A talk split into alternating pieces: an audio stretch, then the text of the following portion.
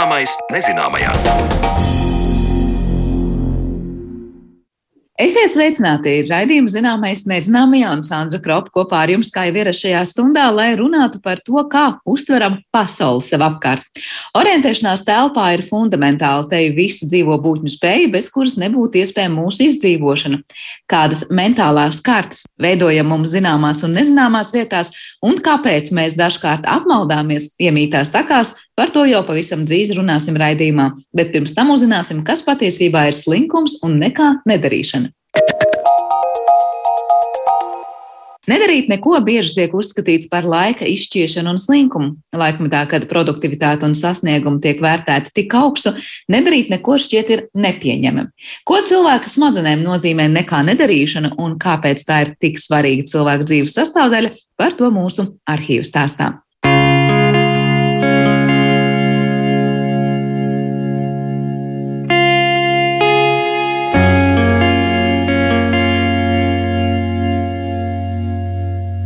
Šī nebūs slavas dziesmas linkumam vai dīkai dzīvei, bet ieskats apzināts atpūtas zonā. Sabiedrībā ir aktuāls jautājums par to, kā izrauties no nebeidzamo darbu un pienākumu loka un mācīties atpūsties, jeb nedarīt neko. Stāsta Marija Ābeltiņa. Tāda neko nedarīšana nemaz nepastāv. Un arī tādu slinkumu es savā dzīvē neesmu sastapusi. Ar šiem vārdiem parasti cilvēki apzīmē ārkārtīgi dažādas lietas. Un, ja mēs domājam par neko nedarīšanu, tad um, tur ļoti bieži iekrīt noteiktas darbības, kuras tā tiek nu, es gribētu teikt, pat dažreiz apsaukātas, ja, ka nu, es tā neko nedarīju. Ja. Kas tur iekrīt? Pirmām kārtām atpūta.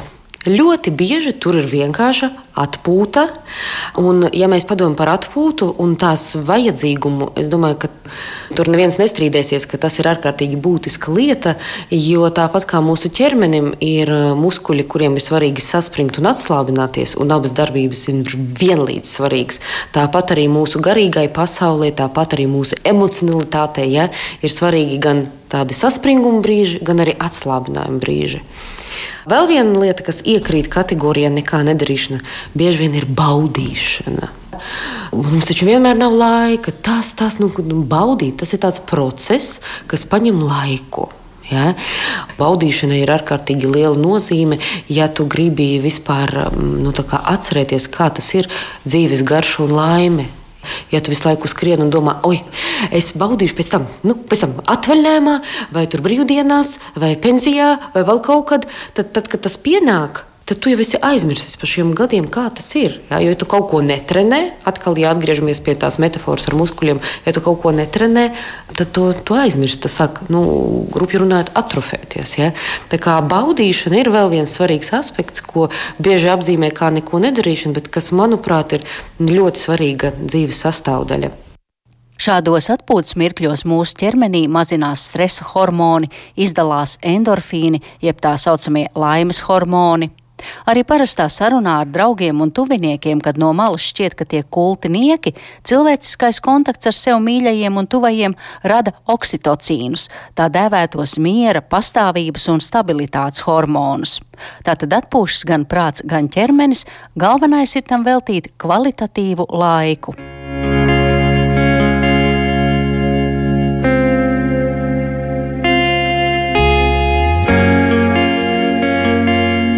Realitātē, lai mēs kaut ko varētu radīt jaunu, vai lai mēs varētu tiešām izanalizēt sarežģītas situācijas, mums ir vajadzīgs laiks. Savulaik viens Nobeļa prēmijas laureāts, tās psihologs Daniels Kanemans, bija sarakstījis grāmatu par ātrā un lēno domāšanu, arī latviešu viņa ir iztulkota, kur bija rakstīts, ka ātrā domāšana mums ir ierasta, bet viņa ir automātiska. Mēs bieži vien palaidām daudz ko garām. Mēs automātiski, ah, šis ir tas, izdomājam, viss.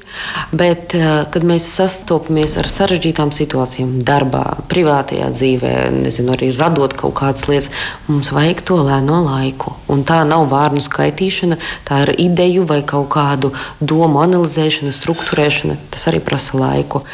Tad um, ir tāda vērošana. Vērošana arī pie tām vārnām pieskaitās bieži vien. Bet, ja mēs padomājam, tad šobrīd ir ārkārtīgi populāri vispār šī apziņotības kustība kur cilvēki patiešām mācās un iet treniņus, tur astoņu nedēļu treniņus, lai iemācītos vērot, jo tam ir diezgan daudz savu plusi. Kad mūsu smadzenes atkal iemācās eh, ne tikai skriet uz priekšu, jā, bet patiešām viņa apstāties, un eh, tajā pauzē var kaut kas rasties. Kaut kāda jauna atklāsme, kaut kāda jauna sajūta un kaut kādas jaunas lietas. Un vēl pie tās nekā nedarīšanas man šķiet pieskaita miegu. Ja daudz cilvēku sūdzās un saka, ka, ak, Dievs, mēs miegā pavadām tik daudz laika, tik neliederīgi, trešdaļa dzīves. Man šķiet, ka tā ir ļoti svarīga trešdaļa. Tā ir atjaunošanās trešdaļa, tā ir tāda restartēšanās trešdaļa un tāds labs, kvalitatīvs miegs kas ir naktī, nevis kaut kad kaut kur izrauts pa gabaliņam, ir arī tādas psihiskās veselības patiesībā tāds garants. Un ārkārtīgi daudz pētījumu ir arī par to, ka, piemēram, nu, mūsdienu trakākā tāda psihiskā viena no saslimšanām ir depresija. Nu, tad viens no svarīgākajām lietām, kas pasargā, ir eh, ne tikai kustēšanās, ja, bet arī miegs. Miegs normālos laikos un, un, un teiksim, tā, normālos ritmos.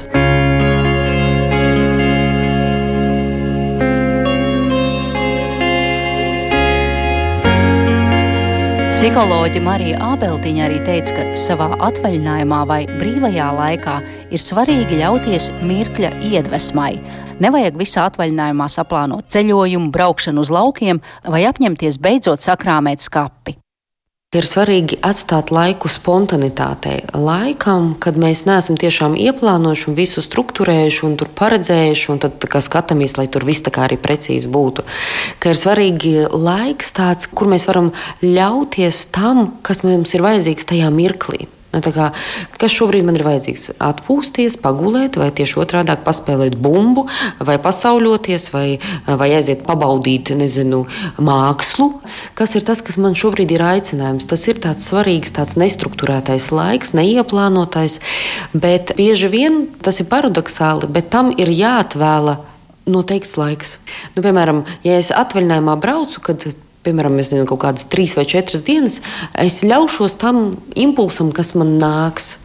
Ja, vai arī uh, ir daži cilvēki, kas to ieplāno nedēļas laikā, ka viņiem vajag kaut kādas divas stundas, kad es daru kaut ko, kas man tajā mirklī ir vissvarīgākais. Un tas arī palīdz smadzenēm pārslēgties uz citu režīmu, ka es tomēr pieslēdzos tā brīža vajadzībām. Jo mūs bieži māca arī no pašas bērnības, ka ir svarīgi vadīt savus impulsus un būt organizētiem, disciplinētiem, darīt lietas tā, kā vajag. Jā, tā ir ļoti laba māksla, bet atkal, ja tas ir pārspīlēts un mēs aizmirstam sekot līdzi tam impulsam, kas mums ir, mēs bieži vien aizmirstam, kā tas vispār ir sevī klausīties. Ja? Mm, nu, kā tas ir darīt lietas, kas man ir patiešām svarīgas šajā mirklī. Jo tālie mērķi ir svarīgi svarīgi, uz viņiem ir jāvirzās. Es nesaku, ka jāmet plinti krūmos un tagad jādara tikai kaut kādi nezinu, mirkļa vājumi, bet arī tiem mirkļa vājumiem arī ir svarīga vieta un, un lieta. Jo dažreiz ar nekā nedarīšanu, protams, aiz tām slēpjas cita galība. Viens ir būt kontaktā ar savām vajadzībām un varbūt ļauties mirklim, bet otra galība ir tā modernais vārds prokrastinācija. Lietu atlikšana, jā, jā. Darb, darbu atlikšana. Jā. Un tā nav nekā nedarīšana. Tā tiešām ir atlikšana. Man liekas, tas arī ir tāds ļoti precīzs vārds, ka es patiesībā atlieku un daru citas mazsvarīgākas lietas, un to, no kā man es nezinu, bail vai kas ir tāds sarežģīts sarežģīts, to es pabīdu nost. Ja, jo tā ir pilnīgi cita problēma. Ja, man ir nezinu, jāsaņemās, vai man ir nepietiek zināšanu, vai vienkārši drosmes darīt kaut ko, kas man ir svarīgi. Un, uh, tad tas prasa kaut kādus nu, kā, citas lietas. Ja. Bet tāda būšana kontaktā ar vajadzībām un, un arī tādām mirkļa vajadzībām, man liekas, tas profilaktiski ir ļoti svarīgi, ka pa brīdiņam dzīve iebūvēt un tīpaši atvaļinājuma laikā. Bet kā tagad ir, ja mēs visu to iepriekš minēto ieliekam darba vidē, darba laikā? Es arī atnācu pie jums e, šeit uz interviju. Jums viens cilvēks aizgāja prom, tur jau gaitenī sēž nākamais. Vai jūs, vai arī es nezinu, ik viens no mums var tā pateikt, tā tagad es desmit minūtes, jūs visi pagaidiet, es nedarīšu neko. Kā darba laikā mēs arī varam ļauties nekā nedarīšanai? Un kur ir tā robeža? Jā, ir dažādi pētījumi, kas saka, ka mm, no tāda kafijas dzeršana kopā kolektīvā, ka tas patiesībā nav nekā nedarīšana. Tie ir tie sociālie kontakti, kas pēc tam palīdz atrisināt daudzas problēmas kolektīvā. Kad es pazīstu to cilvēku un es varu vērsties pēc palīdzības un atrisināt kaut kādas lietas stipri ātrāk, un arī tas noņem tādu arī spriedzi. Ja, tas iedod patiešām tādu labu impulsu darbībai. Es domāju, ka mm, tādos ļoti struktūrētos darbos ir svarīgi iebūvēt atpūtas, pārslēgšanās, vēl savādākas neko nedarīšanas posmus. Un es zinu, ka es agrāk ļoti grēkoju, piemēram, ar pusdienām. Ja? Jo tas arī ir nu, kaut kāda ļoti lieka uh, tehniskā apkope, kur tu vienkārši patērē laiku un naudu. Ja? Bet realtātē tas ir svarīga pauze, kuru var izmantot un kuru var plānot. Un, es esmu nonākusi līdz brīdim, kad es varu plānot savu laiku pati, tad es uh, dažkārt ieplānoju garas pauzes garas pusdienas pauzes, nevis pusstundu, nevis stundu, bet garāku lai es varu paspēt patiešām atjaunoties un sniegt cilvēkiem to palīdzību, ko viņi no manis sagaida. Jā, es varbūt tur pa to laiku nepieņemu vēl vienu cilvēku, bet es zinu, ka tie visi pārējie, ko es pieņemšu, viņi dabūs to kvalitatīvo manu klātbūtni, manu uzmanību, jo manas smadzenes būs atpūtušās un atjaunojušās. Ir cilvēki, kas nevar mm, sev atļaut nu, tādu garu pauzi pa vidu, bet viņi var paņemt īsākas pauzes pa dienas vidu. Un es zinu, ka šobrīd arī Latvijā daudzi darba devēji iespēja sāk nu, domāt modernāk un saprast, ka a, psiholoģijai ir arī nozīme tādā ilgtermiņa biznesa veiksmē, ka tas ir ļoti svarīgi, kā jūtās darbinieki, un arī veido dažādas arī tādos, nezinu, pat zvanu centros atpūtas telpas, kur ir piemēram klusā istaba kur ir iespēja pabūt pilnīgā klusumā un izdzert to savu kafiju, nesot klāt nevienam citam cilvēkam. Ja? Kas ir ļoti, ļoti labas iniciatīvas. Tāpēc es domāju, ka, ja mēs izmantosim savas eh, cilvēku smadzenes, kur ir pilns ar radošumu un, un, un tādiem risinājumiem, mēs varēsim arī tādos ļoti saspringtos grafikos atrast tās iespējas patiešām pārslēgties un padarīt to labo neko. Par atpūtas nozīmi cilvēka veselībai stāstīja psiholoģija, kognitīva behaviorālā terapeite Marija Abeltiņa, un ar viņu sarunājās Zanelāts Baltāksne. Bet turpinājumā pievēršamies tam, kā cilvēka smadzenes orientējas telpā.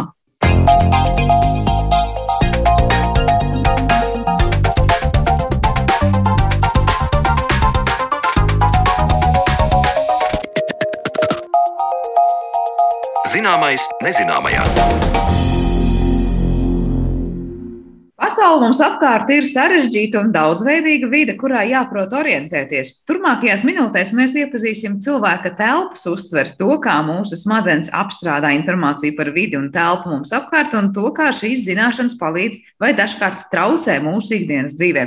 Par to visu plašāk es esmu aicinājusi uz sarunu šodien mūsu attālinātajā studijā Latvijas Universitātes datorikas fakultātes profesoru un uztvers un kognitīvo sistēmu laboratorijas vadītāju Jurģis Čilters. Sveiks, Jurģi!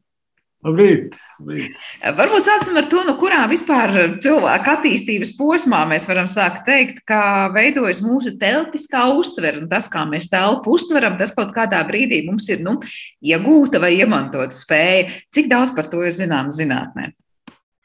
Uh, nu, telpas uh, uztvere, varētu teikt, ir uh, primāra cilvēka maņa vai cilvēka nu, teiksim, tā, organizācijas spēja gan tādā filoģenētiskā griezumā, nu, respektīvi, kā cilvēks attīstījies gadu simtiem tūkstošu laikā, tāpēc, ka nu, bez telpas uztveres mēs jau nevarētu atrast ceļus mājām.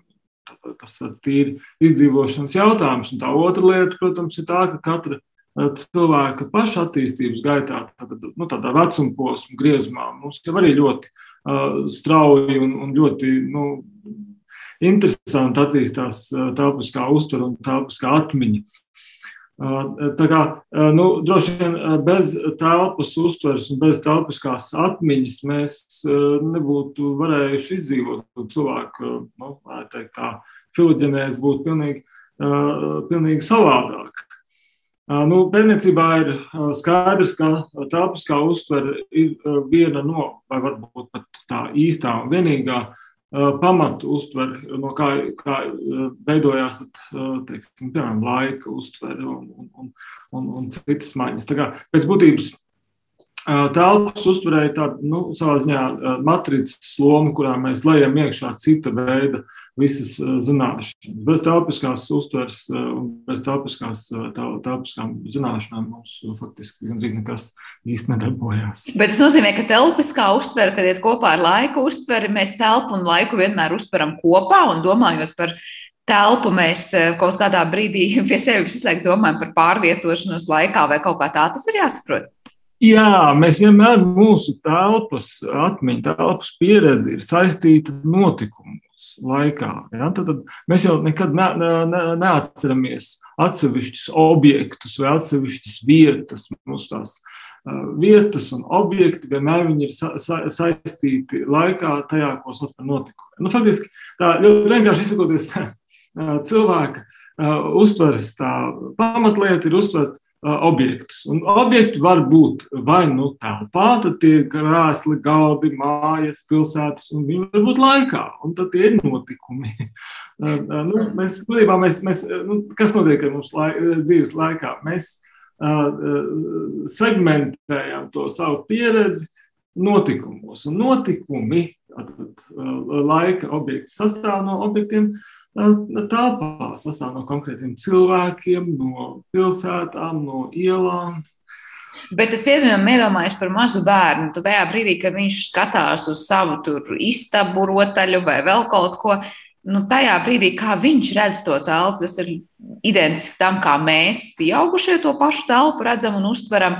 Vai mēs bērnībā katrs esam sākuši mācīties, tur saprast, es nezinu, telpas, dziļums, augstums, platums un tāds. Mm, raksturlielums. Jā, jā, jā. Nu, divas varbūt tādas uh, lietas. Tas ir tas, tas viens, uh, kas mums patiešām ir līdzīgs, uh, ir tas, kā mēs apgūstam jaunu telpu. Patiesībā uh, mēs skatāmies, kā, kā mazi bērniņi apgūst telpu un kā mēs apgūstam uh, telpu kādā jaunā pilsētā. Nu, ļoti daudz līdzības. Tas, protams, nav tas pats process, bet tās līdzības ir uzkrītošas. Tad mēs vispirms uh, uztveram tādas. Nu, būtiskus pieturas punktus. Jā, arī maz bērniņus tur būtisks pieturas punktus. Jā, vai tā ir gultas mala vai, vai kaut kāds Ziemassvētku eglīte vai kaut kas, kaut kas cits. Un eh, savukārt, ja mēs esam kādā jaunā pilsētā, mums arī tie pirmie, eh, pirmie pieturas punkti ir lidosta, dzelzceļa stācija, viesnīca un tam līdzīgi. Tad otrā, otrā lieta ir tā, ka mēs saprotam, kā pārvietoties no viena uz otru. Tas arī ir līdzīgi maziem bērniem. Un uh, kaut kādā brīdī, nu, kad mēs esam vairāk kārtīgi pārvietojušies no viena pieturas punkta pie otra, mums izveidojās tā, varētu teikt, konfigurācijas izpratne, vai nu, tā, teikt, viņi tehniski sauc par kognitīvo karti, nu, kāda tā kā tā telpa ir salikta, kā viņa ir putnu lidojuma bilde, kā, kā tā telpa kopumā izskatās. Tā, tas, tā ir tāda līdzība, tāda, nu, uh, uh, savā ziņā, kā apgūstam telpiskās zināšanas uh, agrāk bērnībā, kā mēs arī patiesībā ikdienā, nu, ja mēs esam jaunā vietā, kā mēs apgūstam. Tā būtiskā atšķirība uh, bērniem, maziem bērniem un, un, un pieaugušiem ir tā, ka mēs telpu uztveram daudz vairāk izmantojot attālumu uztveri. Jā, teiksim. Mums ir diezgan nu, laba izpratne par to, cik orientējoši tālu vai tuvu ir kaut kāda vieta telpā. Mazi bērni labāk uztver to, vai objektu telpā ir uh, saistīti, vai viņi nav saistīti, pārklājās, nepārklājās. Nu, respektīvi, tehniski izsakoties, uh, maziem bērniem ir ļoti labi izteikta topoloģiskā uztvere, telpā savukārt pieaugušiem ir labi izteikta ģeometriskā uztvere. Tas nenozīmē, ka, viņ, viņ, ka kādam vienam pilnībā trūkst tā otra, bet nu, nu, kopumā ir tā, ka uh, dzīves laikā mūsos attīstās izpratni par attālumu, par leņķiem, par uh, paralelitāti. Nu, tas ir tas, kas mūsu vecuma posmā attīstības gaitā notiek. Es iedomājos uzreiz par augstuma sajūtu, piemēram, tādā pašā telpā. Nu, skatoties uz maziem bērniem, liekas, ir kāds konkrēts posms, kurā viņi saprot, ka à, no šī punkta tomēr var nokrist. Un līdz tam ir sajūta, ka viņi iet un domā, ka viņi nekad nekritīs. Vai arī izpratne par to, kas ir augstāk, zemāk, mums attīstās nu, krietni vēlāk? Uh, nu, patiesībā jau uh, diezgan, arī diezgan ātri attīstās. Un tā, tā, diskusija vienmēr pētniecībā, nu, ir īpaši zīdaiņa pētniecībā, jautās par to, cik daudz no topiskām zināšanām varētu būt iedzimtas. Nu, nu, droši vien ļoti maz, bet, nu, bet teiksim, tā izpratne par augstumu ļoti lielā mērā ir, ir nu, diezgan, varētu teikt, vismaz lielā mērā nu, arī iedzimta. Droši vien kaut kas iedzimts, kaut kas iemācīts, vai vismaz nu, pēc tam papildus apgūts, ir atslēgas vārds tam, ko mēs droši vien visu savas dzīves laikā mācāmies un kā mēs to telpu uztveram. Bet man jautājums par maņām. Nu, vai var teikt, ka ir konkrēti mums dominējošās maņas, kas pateiks, mēs telpu uztveram tur pateicoties redzēju un, un dzirdēju, vai savukārt tur pilnīgi visas maņas nāks tālāk, lai saprastu, ko mēs un kā telpā uztveram? Jā, nu, protams, ka visas maiņas nāks tālāk. Vienkārši ir tā, ka mēs visu laiku, mēs visvairāk zinām par uh, to, kā redze uh, veido mūsu telpisko izpratni. Mēs salīdzinoši maz zinām, kā smarža, garša, skaņa ietekmē uh, telpu un telpas uztveri. Uh, tā kā, uh, protams, tas, tas, tas, tas rezultāts, viņš ietver visas tās maņas.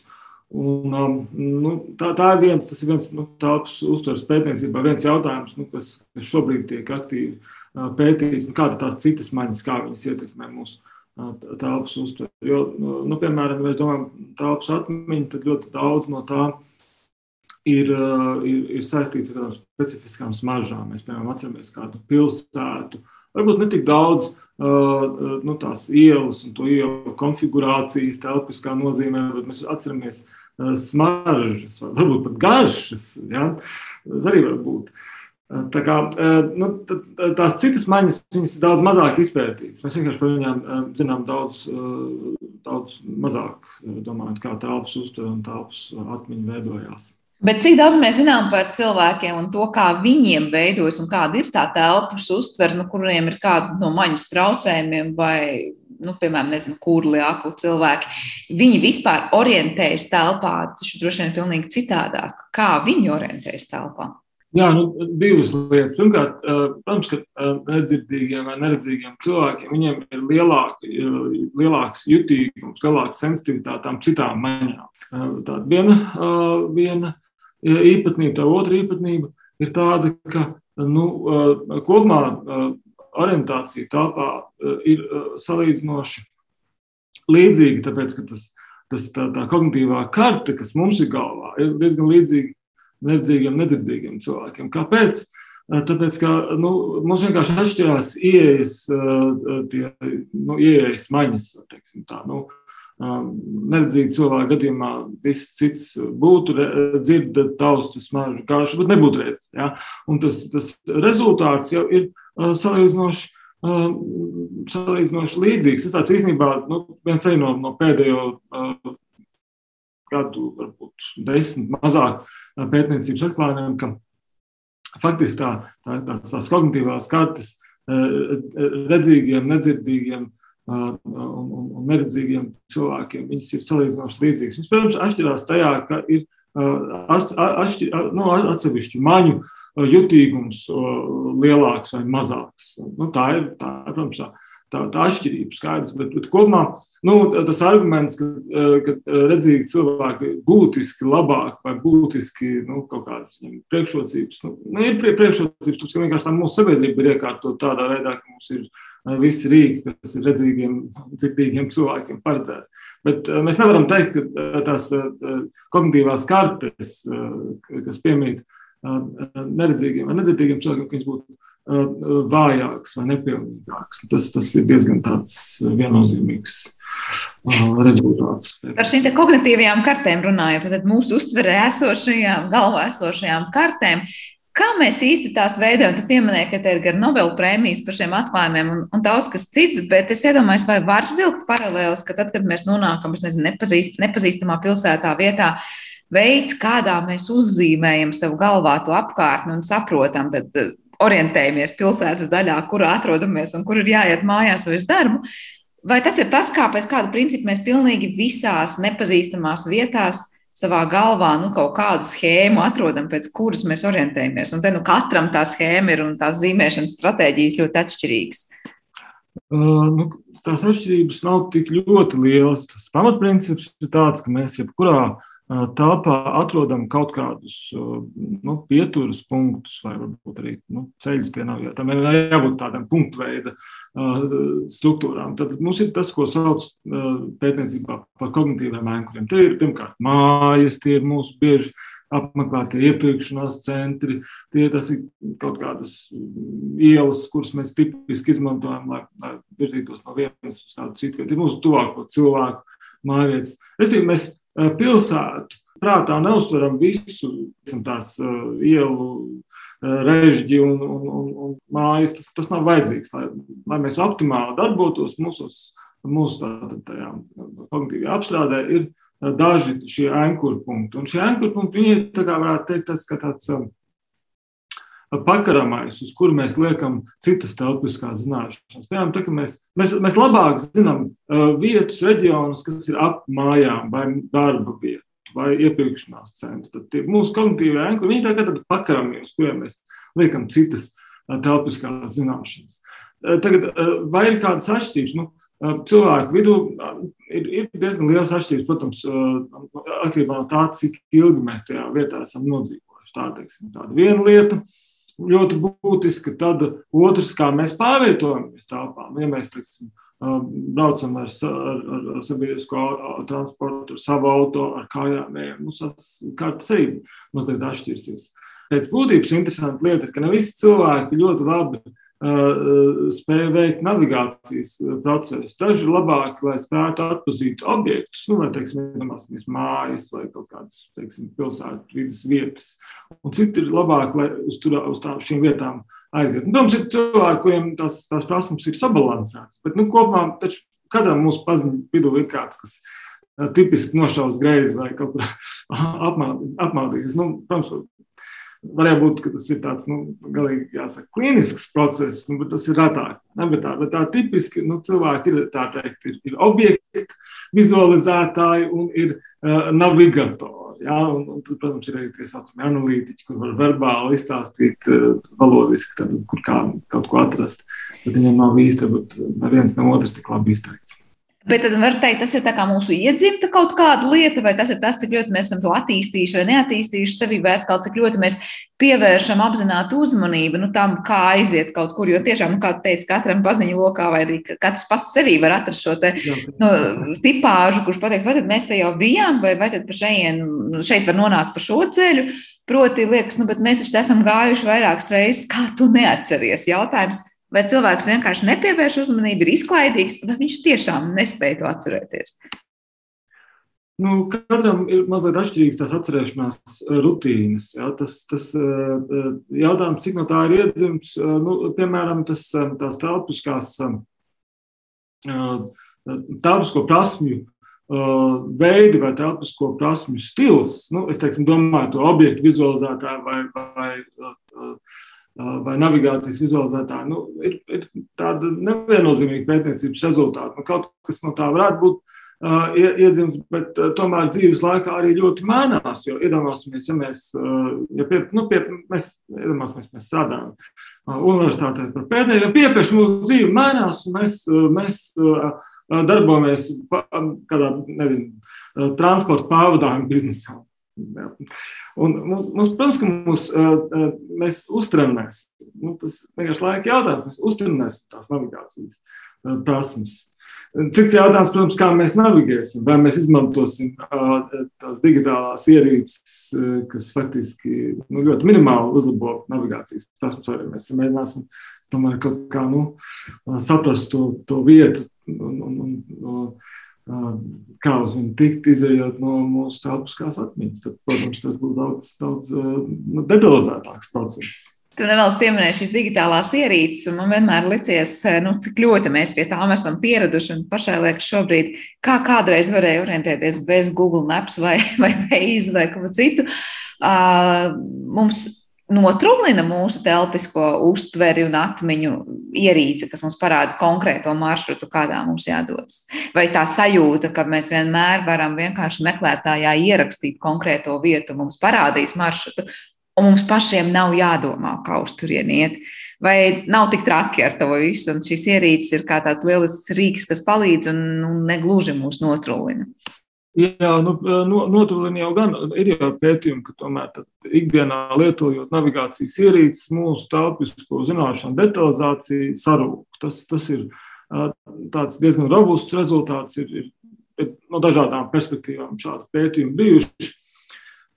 Tā problēma ir droši vien tāda, ka mēs 2021. gadā nevaram tā viennozīmīgi pateikt, tas ir labi vai slikti, jo cilvēks jau ir tāds adaptīvs organisms.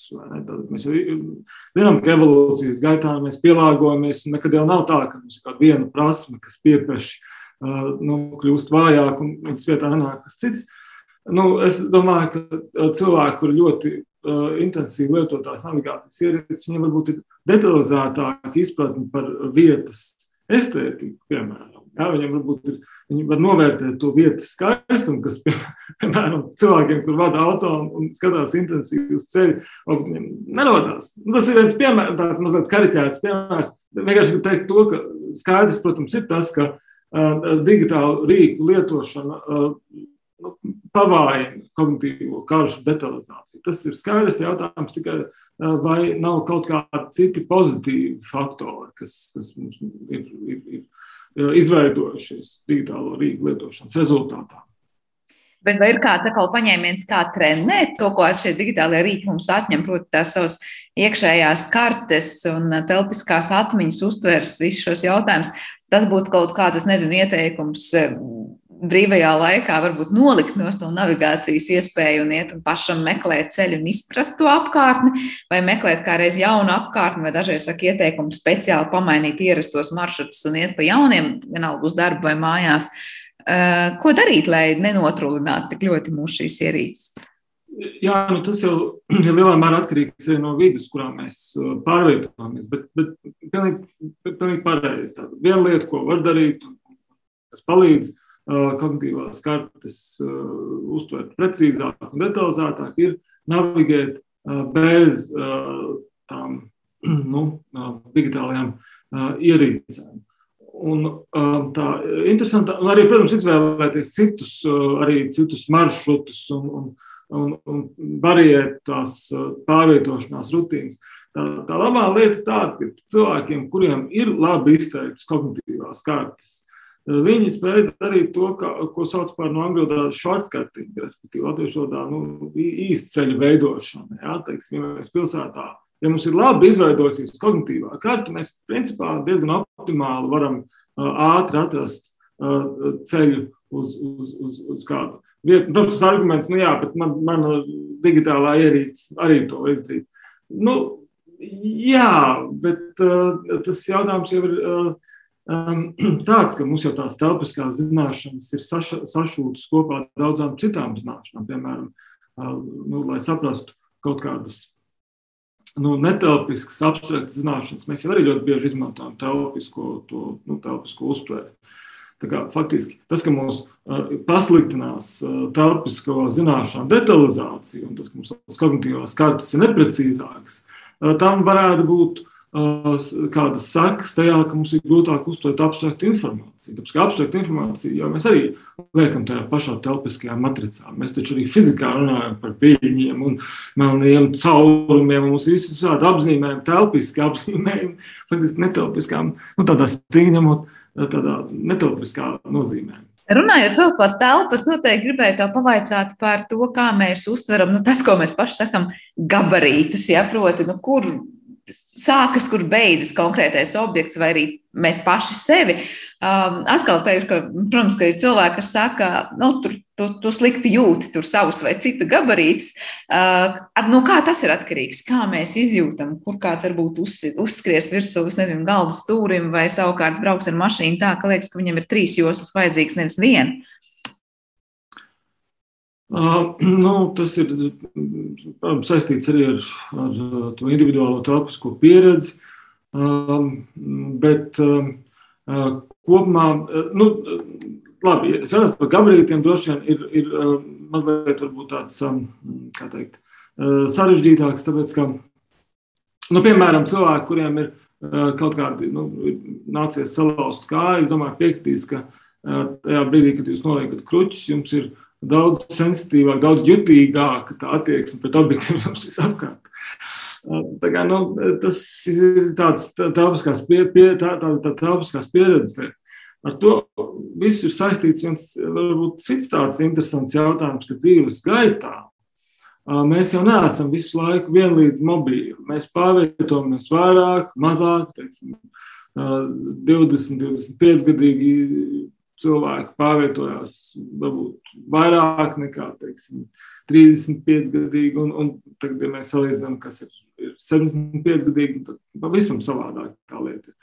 Un um, šajā sakrā ir, uh, ir tāda interesanta lieta, ka uh, nu, mēs uh, varam telpu uztvert un, un tos, tos, kā es minēju, tos kognitīvos ankurus, mājas, darba vietu un tam līdzīgi mēs viņus varam uztvert vairāk tādā tīri telpiskā nozīmē. Nu, tā kā tu minēji, ka mēs varam uzskriet virsū kādam objektam, un, un viss no mums ir vienlīdz nu, veikli šajā jautājumā.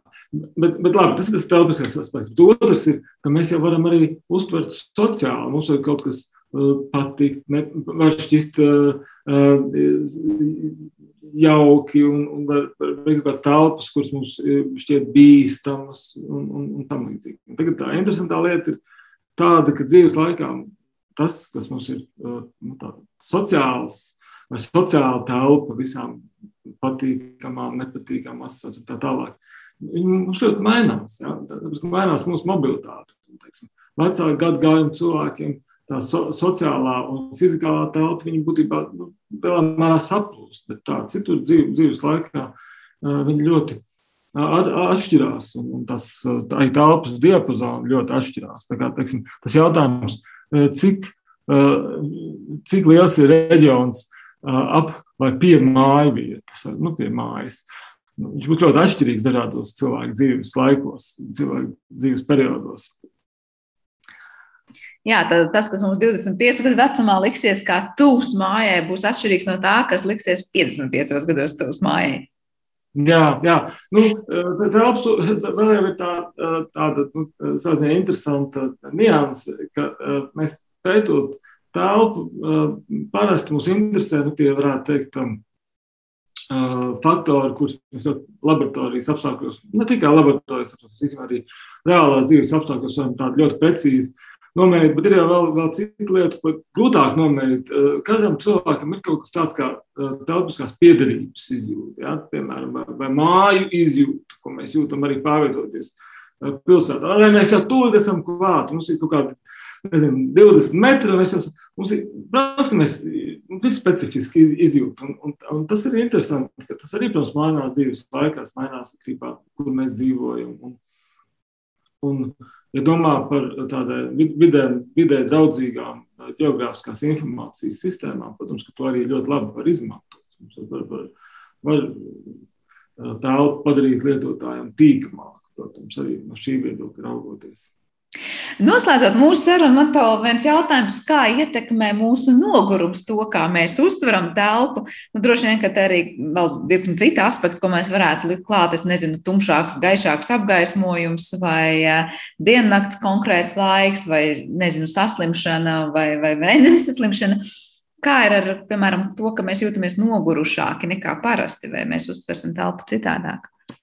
Jā, protams, nu, lielā mērā atkarībā no tā, vai mēs esam sev ļoti labi zināmā vietā, vai arī, arī nepazīstamā vietā. Nu, tie rezultāti jau var būt ļoti dramatiski, ja mēs esam pilnīgi svešā vietā, vai teiksim, vietā, kurā mēs esam nu, pāris reizes iztaigājuši, kādā jaunā pilsētā. Nu, tad nogurums, uztraukums, nu, tie faktori, kas ļoti nu, faktiski, palielina to, to varbūtību, ka mēs apmaldīsimies. Tā kā, nu, no, nogrums noteikti ir, ir, ir ļoti viennozīmīgs negatīvs faktors telpas orientācijā. Un, cerams, ka pēc cilvēka apmaldās ļoti bieži tam nav nekā misterioza. Vienkārši cilvēki ir noguruši un satraukušies. Un, un viņi kļūdaini identificē tos, kā es minēju, tos kognitīvos ankurus, nu, kas nepazīstamā vietā jau ir, ir, ir nu, tāda salīdzinoši nu, tāda varbūtība, nav, nav iestrādāta no tajās kognitīvajās kartēs.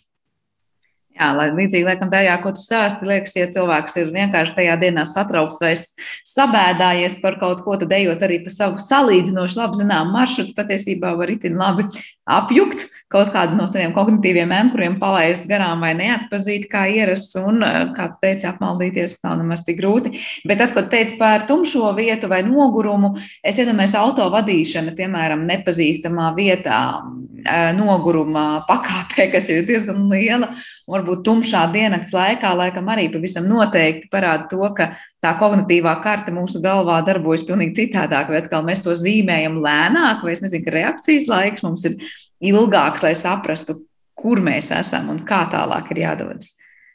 Nu, jebkuram no mums arī, arī tumšā, ļoti neskaidrā vidē mums darbojās kaut, kā, kaut kas tāds eh, kā eh, telpiskā izjūta. Un, un mēs spējam, mēs taču arī, piemēram, eh, naktī kaut kur pārvietojoties. Mums ir kaut kas tāds kā izjūta, kas ir tas virziens, kurā mums ir tas telpiskā virziena izjūta.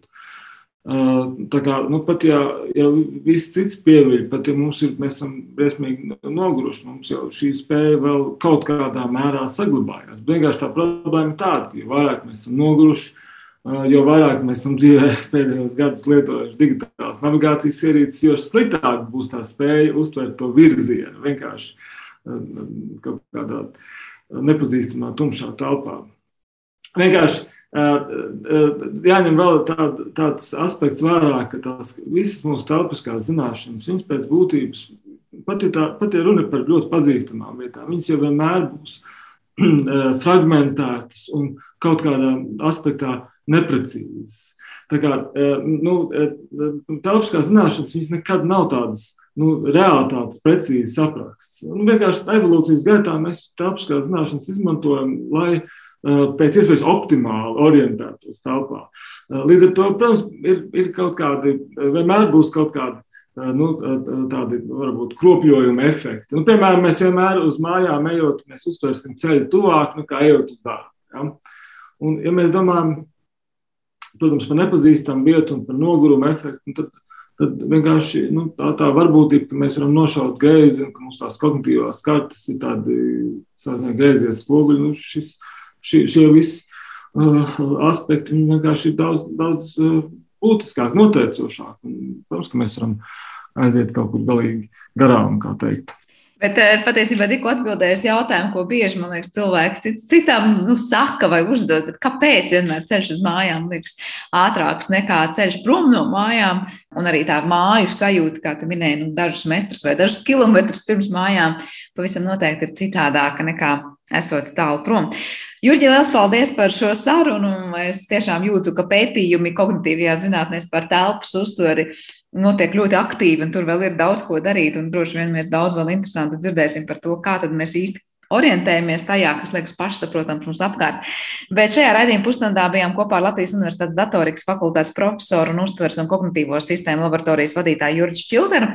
Par šo raidījumu parūpējās producents Paula Gulbīnska, mūzikas redaktors šajā stundā bija Girds Bišs, bet ar jums kopā es Sandra Kraupa. Tiekamies jau rīt. Vislabāk!